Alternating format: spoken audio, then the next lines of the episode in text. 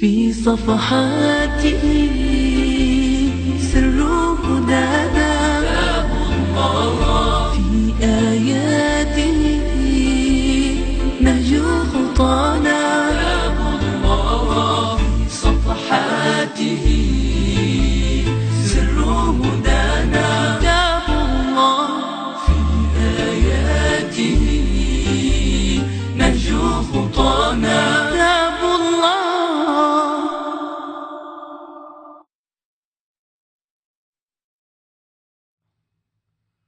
بسم الله الرحمن الرحيم.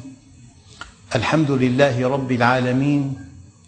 والصلاة والسلام على سيدنا محمد وعلى آل بيته الطيبين الطاهرين وعلى صحابته الغر الميامين أمناء دعوته وقادة ألويته وارض عنا وعنهم يا رب العالمين. اللهم أخرجنا من ظلمات الجهل والوهم. إلى أنوار المعرفة والعلم ومن وحول الشهوات إلى جنات القربات. أيها الإخوة الكرام مع الدرس السابع عشر من دروس سورة التوبة ومع الآية الثامن عشر وهي قوله تعالى إنما يعمر مساجد الله من آمن بالله واليوم الآخر وأقام الصلاة وآتى الزكاة ولم يخش إلا الله فعسى أولئك أن يكونوا من المهتدين. أيها الإخوة الكرام وعدتكم في هذا اللقاء الطيب أن يكون الحديث عن آداب المساجد. فالله عز وجل يقول وأن المساجد لله فلا تدعوا مع الله أحدا. هذا المكان مكان عبادة. هذا المكان لذكر الله. أي موضوع دنيوي أو شخصي أو متعلق بفئة أو بعدد من الناس لا يجوز طرحه في بيت الله. والدليل هذه الآية. وأن المساجد لله فلا تدعوا مع الله أحدا. هنا الدعوة إلى الله إلى الله وحده. الدعوة إلى الآخرين في مكان آخر. اختر أي مكان إلا أن بيت الله من أجل أن تدعو فيه إلى الله. هي أول أدب من آداب المساجد. وعن أبي سعيد الخدري رضي الله عنه أن رسول الله صلى الله عليه وسلم قال فيما يرويه عن ربه إن بيوتي في الأرض المساجد وإن زواري فيها عمارها فطوبى لعبد تطهر في بيته ثم زارني فحق على المزور أن يكرم الزائر. أنت حينما تلجأ إلى الله ينبغي أن تأتي إلى بيته. أنت حينما تود أن تلتقي بإنسان تأتي إلى بيته. فأنت إذا أردت الله فاذهب إلى بيته. إن بيوتي في الأرض المساجد وإن زواري فيها هم عمارها. فطوبى لعبد تطهر في بيته ثم زارني. الآن وحق على المزور. من حقك على الله أن يكرمك الله في بيت الله. قد يقول أحدكم كيف؟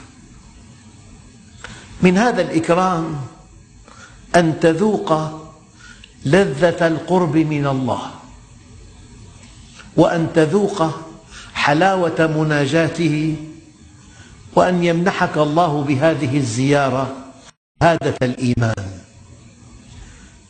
إنما يعمر مساجد الله من آمن بالله. فأنت حينما تأتي إلى بيت من بيوت الله فهذه شهادة لك بأنك مؤمن. وعن أبي سعيد الخدري رضي الله عنه عن النبي صلى الله عليه وسلم أنه قال إذا رأيتم الرجل يعتاد المساجد فاشهدوا له بالإيمان. فاشهدوا له بالإيمان. قال تعالى إنما يعمر مساجد الله من آمن بالله واليوم الآخر. يعني علامة إيمانك أنك ترتاد المساجد. علامة إيمانك أنك تصلي في المساجد. علامة إيمانك أنك تطلب العلم في المساجد. علامة إيمانك أن قلبك متعلق بالمساجد. هذا بيت الله عز وجل. وعن أبي هريرة رضي الله عنه عن النبي صلى الله عليه وسلم أنه قال سبعة يظلهم الله في ظله. يوم لا ظل إلا ظله. سبعة. وعد منهم ورجل قلبه معلق بالمساجد متفق عليه. رجل قلبه معلق بالمساجد. هذا من السبعة الذين يظلهم الله يوم القيامة يوم لا ظل إلا ظله. أخواننا الكرام معنى ذكرته كثيرا. إنك في بيت من بيوت الله. تصلي. ذكر الله لك. وأنت في بيت من بيوت الله تصلي. أكبر من ذكرك له. يعني لو واحد سأل أي إكرام نأخذه في بيت من بيوت الله؟ قال إذا أكرمك الله أو إذا ذكرك الله وأنت في بيته يمنحك الحكمة. والله عز وجل يقول ومن يؤت الحكمة فقد أوتي خيرا كثيرا يمنحك التوفيق يمنحك الرضا يمنحك النجاح يمنحك السعادة يمنحك الأمن يمنحك أن تحقق أهدافك في الدنيا. تصور خالق الكون يكرمك في بيته. يمكن قد لا تجد كأس شاي. أو كاسة عصير يمكن. لكن قد تجد التوفيق في عملك التوفيق في زواجك التوفيق في تربية أولادك التوفيق في قربك من الله عز وجل. إذا سبعة يظلهم الله في ظله يوم لا ظل إلا ظله. عد النبي الكريم من هذه السبعة ورجل قلبه معلق بالمساجد. وعن أبي هريرة رضي الله عنه أن النبي صلى الله عليه وسلم قال من غدا إلى المسجد أو راح. معنى راح في اللغة راح إلى بيته عاد إلى بيته. غدا خرج من بيته راح إلى بيته عاد إلى بيته من غدا إلى المسجد أو راح أعد الله له في الجنة نزلا كلما غدا أو راح ما قولكم؟ أنت حينما يحين وقت الدرس وتقوم وترتدي ثيابك وتتوضأ وتركب أول سيارة وثاني سيارة وقد تجد ازدحام في الطريق وقد تجد صعوبة في ركوب السيارات. تصل إلى بيت من بيوت الله. يعني أنت هل تصدق أنك لن تكرم من الله عز وجل؟ أحيانا توفق في عملك. أحيانا توفق في زواجك. هذا من إكرام الله لك. لأن الله عز وجل حينما قال ربنا آتنا في الدنيا حسنة وفي الآخرة حسنة وقنا عذاب النار. قال علماء التفسير الزوجة الصالحة من حسنات الدنيا التي إذا نظرت إليها سرتك وإذا غبت عنها حفظتك وإذا أمرتها أطاعتك. هذا إكرام من الله. ألا تحب أن تكرم في بيتك؟ أن توفق في زواجك أن توفق في تربية أولادك أن توفق في عملك أن توفق في دخلك أن توفق في سعادتك. إن بيوتي في الأرض المساجد وإن زوارها هم عمارها. فطوبى لعبد تطهر في بيته ثم زارني. وحق على المزور أن يكرم الزائر. إذا من غدا إلى المسجد أو راح أعد الله له في الجنة نزلا كلما غدا أو راح. لكن من حيث اللغة لو طرقت باب إنسان صديقك فتح لك ابنه قلت له أبوك في البيت؟ قال لك والله يا سيدي قبل قليل راح. قلت له سلم عليه. هذا كذب. لأن كلمة راح يعني عاد إلى البيت. توهمت أن أنه ليس في البيت. راح عاد إلى البيت. فغدا ذهب راح عاد. نعم. ماذا في المسجد؟ ذكر الله تعالى. تلاوة القرآن وعظ وإرشاد تزكية للنفس مجلس علم وفقه في الدين. كل نشاطات المسجد تسمو بك وترقى بك تغذي عقلك وتغذي قلبك وتصحح مسيرتك. إذا كل الخير في ارتياد بيوت الله عز وجل. وقد يغفل الإنسان عن ميزة. أنت في المسجد مع من؟ مع المؤمنين. مع إخوانك المؤمنين. هذا مجتمع إيماني. في صدق في أمانة في وفاء في محبة في إخلاص. يعني أنت أكبر ربح أن تربح إخوة لك في المسجد. لهم مهن متعددة. في محبة في صدق. في تواضع في بذل في تضحية.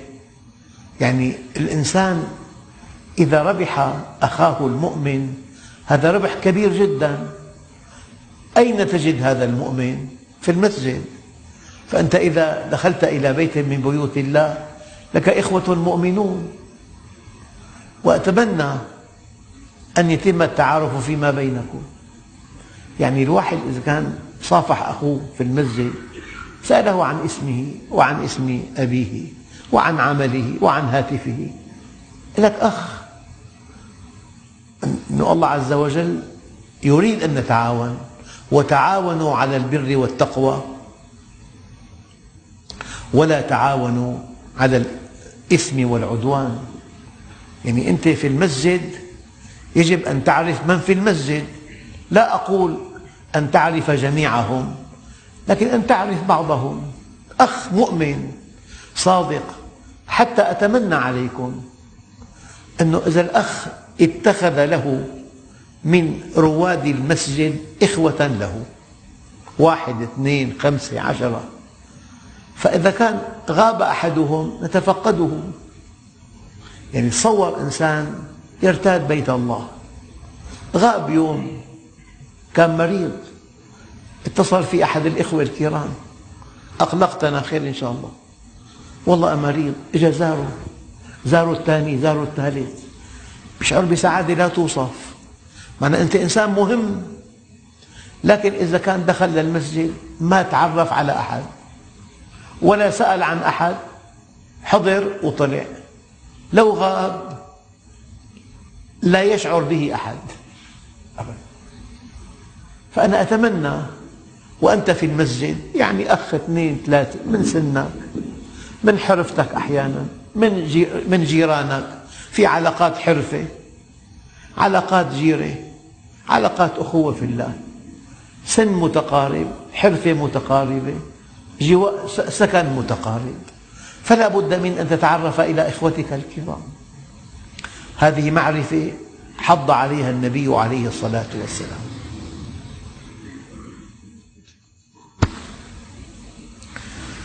الشيء الذي يؤثر تأثيرا كبيرا هذا الحديث. أيها الإخوة مرة ثانية وثالثة. سيدنا سعد بن أبي وقاص يقول ثلاثة أنا فيهن رجل وفيما سوى ذلك فأنا واحد من الناس. واحد من هذه الثلاث ما سمعت حديثا من رسول الله صلى الله عليه وسلم إلا علمت أنه حق من الله تعالى. اسمعوا هذا الحديث.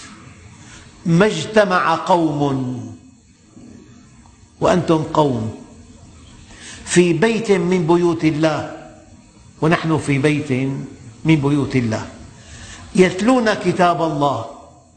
ونحن نتلو كتاب الله. ويتدارسونه بينهم. إلا نزلت عليهم السكينة وغشيتهم الرحمة وحفتهم الملائكة وذكرهم الله في من عنده. رواه مسلم. مرة ثانية. ما اجتمع قوم في بيت من بيوت الله يتلون كتاب الله ويتدارسونه بينهم إلا نزلت عليهم السكينة وغشيتهم الرحمة وحفتهم الملائكة وذكرهم الله في من عنده. من آداب المساجد قال محبة المساجد وتقديرها والنظر إليها بعين التكريم والتعظيم والتقديس والاحترام. المسجد له مكانة كبيرة عندك شيء عظيم. بيت الله لذلك قال تعالى ذلك ومن يعظم شعائر الله فإنها من تقوى القلوب. أول أدب من آداب المسجد المسجد له مكانة كبيرة عندك. يعني مثلا أنت قد تدخل إلى سوق لكن دخلت إلى جامعة كلمة جامعة في علم في أساتذة علماء في تدريس في اختصاصات مهمة جدا كلمة جامعة غير سوء. من علامات إيمانك أنك تنظر إلى بيوت الله نظرة إكبار وتعظيم ومحبة وتقدير وتكريم وتقديس واحترام. هذا أول أدب من آداب المساجد. ينطلق من قوله تعالى ومن يعظم شعائر الله فإنها من تقوى القلوب. الأدب الثاني في بيوت أذن الله أن ترفع. أن ترفع. ما قال أن تبنى؟ لذلك العناية ببناء المساجد هذا نصه وهذا دليله. في بيوت أذن الله أن ترفع. يعني العناية بالمسجد بالتدفئة شتاء بالتكييف صيفا بالماء البارد بالسجاد بالنظافة باللمحة بالومضات الجمالية. في مسحة جمالية في المسجد. هذا بيت الله. في بيوت أذن الله أن ترفع. ويذكر فيها اسمه. ترفع لأن اسمه يذكر فيها. نذكركم بالآية الأولى وأن المساجد لله فلا تدع مع الله أحدا.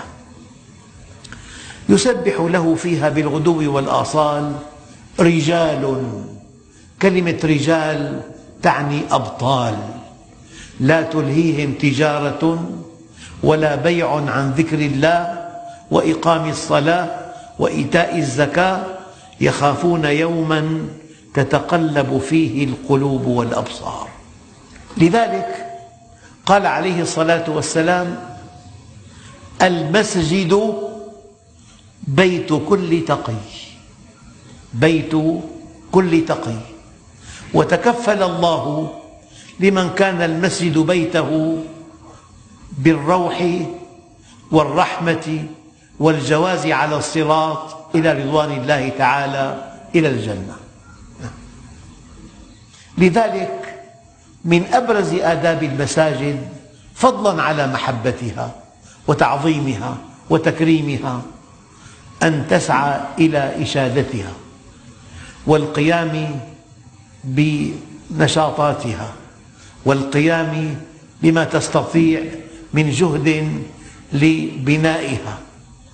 وتأمين حاجاتها الأساسية ومرافقها وأثاثها وتشجيع الناس على التبرع لاستكمالها وتجهيزها بما يليق بمكانتها وابتغاء وجه الله عز وجل في كل ذلك. لذلك من بنى لله مسجدا ولو كمفحص قطات قطات طائر. بنى الله له بيتا في الجنة. من بنى مسجدا ولو كمفحص قطات بنى الله له بيتا في الجنة. والله أنا أغبط كل إنسان ساهم في بناء مسجد ساهم في تأسيس مسجد ساهم في تأمين حاجات أساسية للمسجد لأن النبي الكريم يقول المسجد بيت كل تقي وتكفل الله لمن كان المسجد بيته بالروح والرحمة والجواز على الصراط إلى رضوان الله تعالى. والحديث المتعلق بهذه الفقرة من بنى لله مسجدا ولو كمفحص قطات بنى الله له بيتا في الجنة. قال من أسرج سراجا في مسجد وضع مصباح.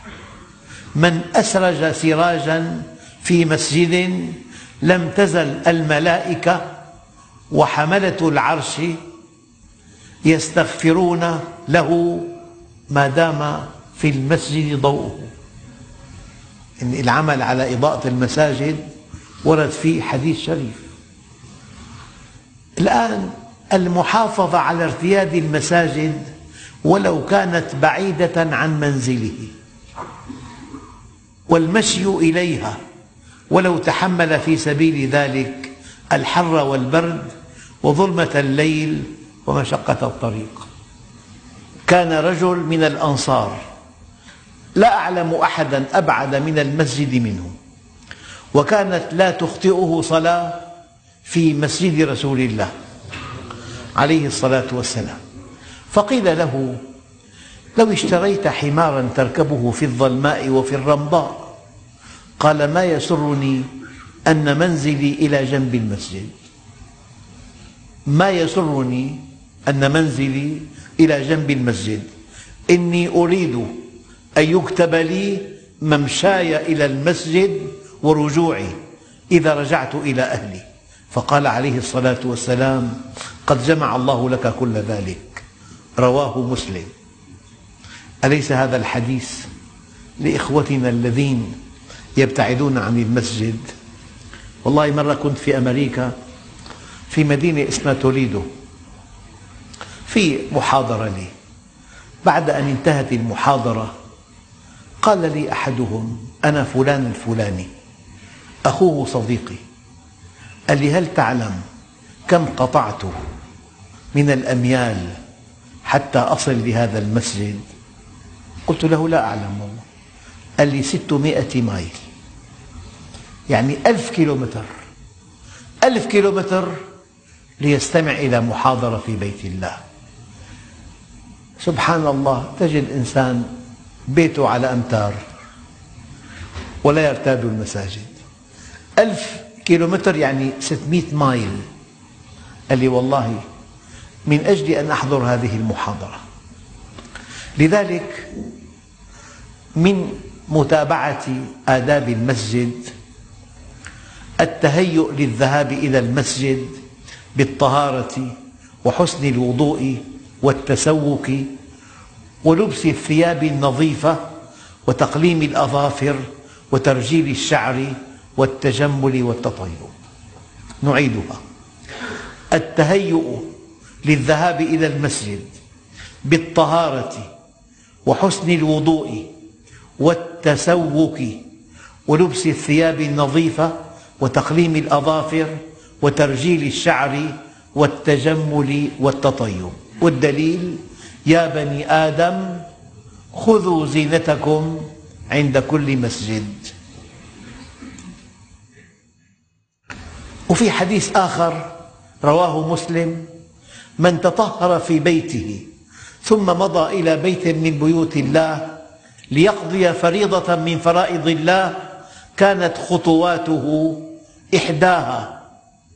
تحط خطيئة والأخرى ترفع درجة. كلها أحاديث صحيحة. في أدب من آداب المسجد إنهاء جميع الأعمال الدنيوية وإيقاف كافة الأشغال المادية عند سماع الأذان والمسارعة إلى تلبية النداء والتوجه إلى المسجد مهما كانت الأعذار. إنهاء جميع الأعمال الدنيوية وإيقاف كافة الأشغال المادية عند سماع الأذان والمسارعة إلى تلبية النداء والتوجه إلى المسجد مهما كانت الأعذار. قال تعالى يا أيها الذين آمنوا استجيبوا لله وللرسول الشاهد إذا دعاكم. حي على الصلاة دعوة الله. حي على الفلاح دعوة الله. استجيبوا لله وللرسول إذا دعاكم لما يحييكم. وعن أبي هريرة رضي الله عنه قال أتى النبي صلى الله عليه وسلم رجل أعمى فقال يا رسول الله ليس لي قائد يقودني إلى المسجد. فسأل النبي الكريم أن يرخص له ليصلي في بيته. فرخص له النبي الكريم. فلما ولى دعاه فقال هل تسمع النداء بالصلاة؟ قال نعم. قال فأجب داعي الله. رواه مسلم. نعم. أنتم كنا مفتحين الحمد لله. الذي يعني أفقده الله نعمة البصر واستأذن النبي أن يصلي في بيته ما أذن له. فكيف بمن يتمتع بنعمة البصر؟ من آداب المسجد الدخول إلى المسجد مقدما الرجل اليمنى قائلا بسم الله اللهم صل على سيدنا محمد اللهم افتح لي أبواب رحمتك. أنت في بيت الله في أمس الحاجة إلى رحمة الله تتنزل عليك تزداد إيمانا تزداد محبة تزداد اتصالا تزداد خشوعا تزداد تألقا تزداد كرما. اللهم افتح لي أبواب رحمتك. كما يستحب أن ينوي الاعتكاف في المسجد ما دام فيه.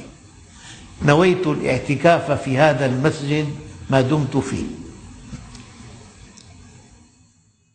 والخروج قال مقدما الرجل اليسرى واضعا حذاءه أمامه بهدوء. اللهم صل على سيدنا محمد. اللهم إني أسألك من فضلك بالدخول رحمتك بالخروج من فضلك. بعد الخروج عمل صالح. بحسب اتصالك بالله في المسجد أنت بحاجة لعمل صالح ترقى به عند الله. وعن أبي أسيد رضي الله عنه قال النبي الكريم إذا دخل أحدكم المسجد فليسلم على النبي صلى الله عليه وسلم ثم ليقل اللهم افتح لي أبواب رحمتك وإذا خرج فليقل اللهم إني أسألك من فضلك. من آداب دخول المسجد صلاة ركعتين سنة تحية المسجد قبل الجلوس. إذا لم يكن وقت صلاة راتبة ومن لم يتمكن من الصلاة لحدث أو شغل فليقل سبحان الله والحمد لله ولا إله إلا الله والله أكبر ولا حول ولا قوة إلا بالله العلي العظيم ثلاث مرات. هذه تجزئ عن صلاة ركعتين هما تحية المسجد. والحديث الآخر إذا دخل أحدكم المسجد فلا يجلس حتى يصلي ركعتين متفق عليه. الآن من آداب المسجد خلع الحذاء وإزالة ما علق به من أوساخ خارج المسجد وإطباقه ووضعه في أقرب مكان مخصص والحذر من رفعه فوق الرؤوس أو تلويث المسجد به ثم إطباق باب المسجد بهدوء عند الدخول. الآن الانتباه إلى طهارة الجوارب ونظافتها قبل المشي بها على سجاد المسجد. مرة قال لي واحد أنا أتأثر بخطبتك. ولكن صليت وراء واحد لم يغسل جواربه من أشهر فكرهت هذا الوضع كراهية لا حدود لها. فالإنسان المؤمن يغسل ثيابه يغسل جواربه يغتسل يتنظف بيت الله هذا. من آداب المسجد تجنب أكل الثوم والبصل وما له رائحة كريهة لقول النبي الكريم من أكل ثوما أو بصلا فليعتزلنا أو فليعتزل مسجدنا متفق عليه في أعلى درجات الصحة من أكل بصلا أو ثوما فليعتزلنا أو فليعتزل مسجدنا. حديث آخر من أكل الثوم والبصل فلا يقربن مسجدنا فإن الملائكة تتأذى مما يتأذى منه بنو آدم. نعم. ومن آداب المسجد تجنب تلويث المسجد بشيء من القاذورات أو النجاسات كالمرور بأرجل عليها نجاسة أو تلويثه بالقليل من الدم كما يحرم التبول في المسجد ولو كان في وعاء ويحرم الاستنجاء فيه. نعم.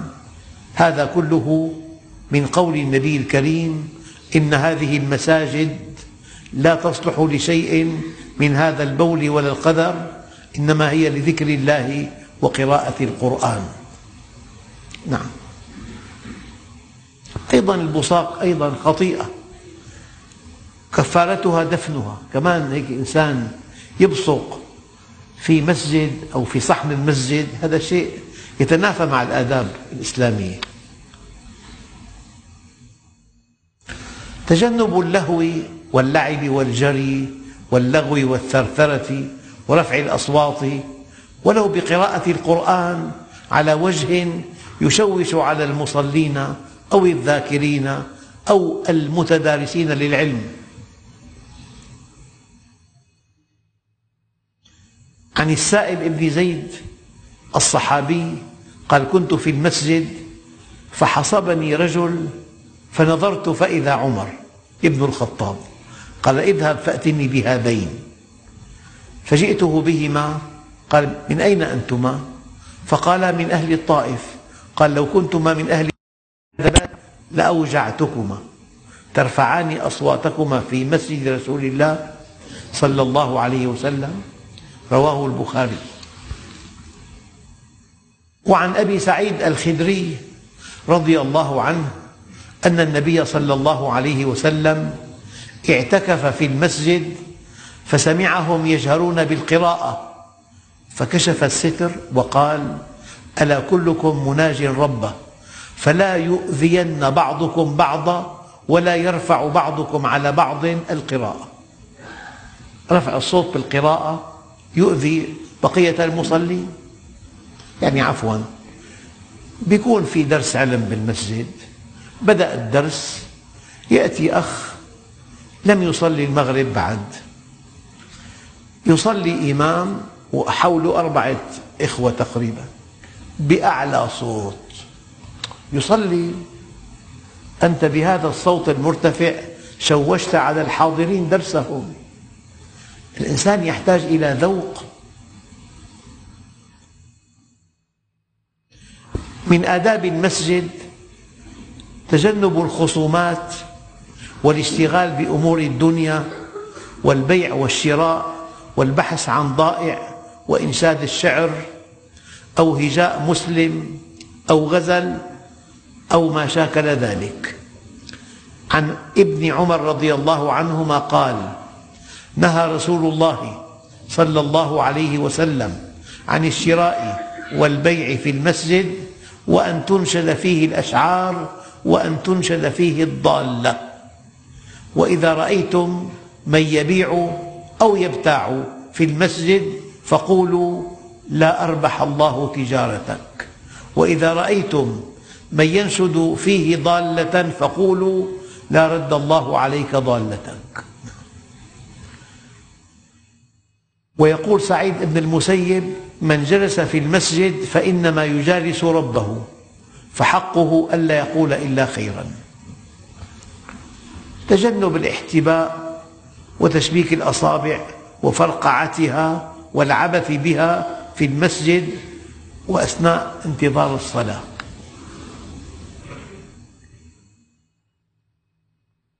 إذا كان أحدكم كما قال النبي الكريم في المسجد فلا يشبكن أصابعه فإن التشبيك من الشيطان وإن أحدكم لا يزال في صلاة ما كان في المسجد حتى يخرج منه.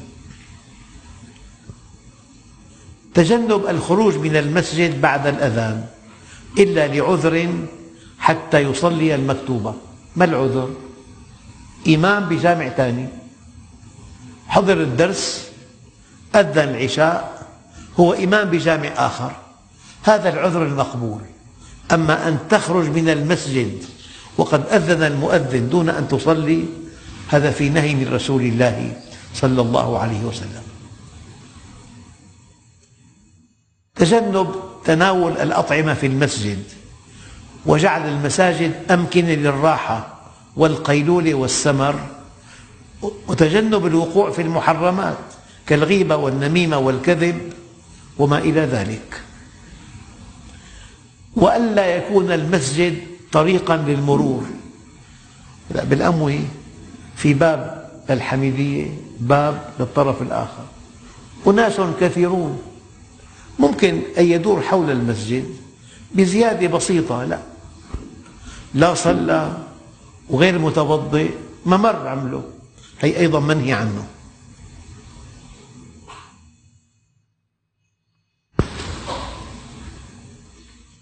القيام بصيانة المسجد والحفاظ على نظافته وأناقته وأثاثه وأمتعته وكتبه ومصاحفه. وقال عليه الصلاة والسلام عرضت علي أجور أمتي حتى القذاء. يعني قشة صغيرة. يخرجها الرجل من المسجد. قشة حملتها وضعتها بجيبك. عمل صالح. صيانة المسجد من الأطفال. أنا أتمنى أن يكون أطفال في المسجد بس مع أبيهم. أما فات وفلتهم برا. لا يجب أن يكون ابنك معك. نحن نحبذ ونتمنى أن ينشأ الطفل في المساجد لكن يجب أن ينضبط وإلا هناك مشكلة. ممنوع على المرأة التي حضرت إلى المسجد التزين والتبرج. هذا شيء النبي نهى عنه بالنسبة إلى النساء. فقال عليه الصلاة والسلام إذا شهدت إحداكن المسجد فلا تمس طيبا. طيب له رائحة. وبينما النبي عليه الصلاة والسلام جالس في المسجد إذ دخلت امرأة من مزينة. ترفل في زينة لها في المسجد فقال عليه الصلاة والسلام أنهوا نساءكم عن لبس الزينة والتبختر في المسجد. فإن بني إسرائيل لم يلعنوا حتى لبس نساؤهم الزينة وتبختروا في المساجد. أيها الإخوة الكرام هذه بعض الآداب في المساجد ونحن في قوله تعالى إنما يعمر مساجد الله من آمن بالله واليوم الآخر وأقام الصلاة وآتى الزكاة ولم يخش إلا الله فعسى أولئك أن يكونوا من المهتدين والحمد لله رب العالمين. في صفحاته